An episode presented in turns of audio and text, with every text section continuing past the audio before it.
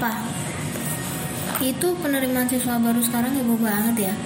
Emang harus banget orang sekolah di sekolah favorit?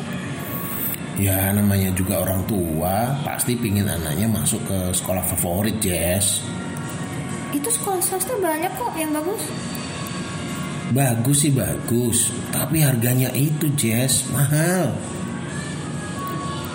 Nih ya Sekarang ini yang jadi masalah Itu para ibu-ibu atau bapak-bapak itu pada demo. Gara-garanya banyak orang tua yang pakai surat keterangan palsu untuk berdomisili. Sementara itu jadi syarat utamanya. Nah ini kan bikin masalah. Anak-anak yang harusnya masuk di sekolah favorit Jadi kehilangan haknya untuk bisa bersekolah di tempat itu. Hmm, jadi gitu yang bikin rame. Emang harus segitunya menghalalkan segala cara buat masuk sekolah favorit ya? Nah itu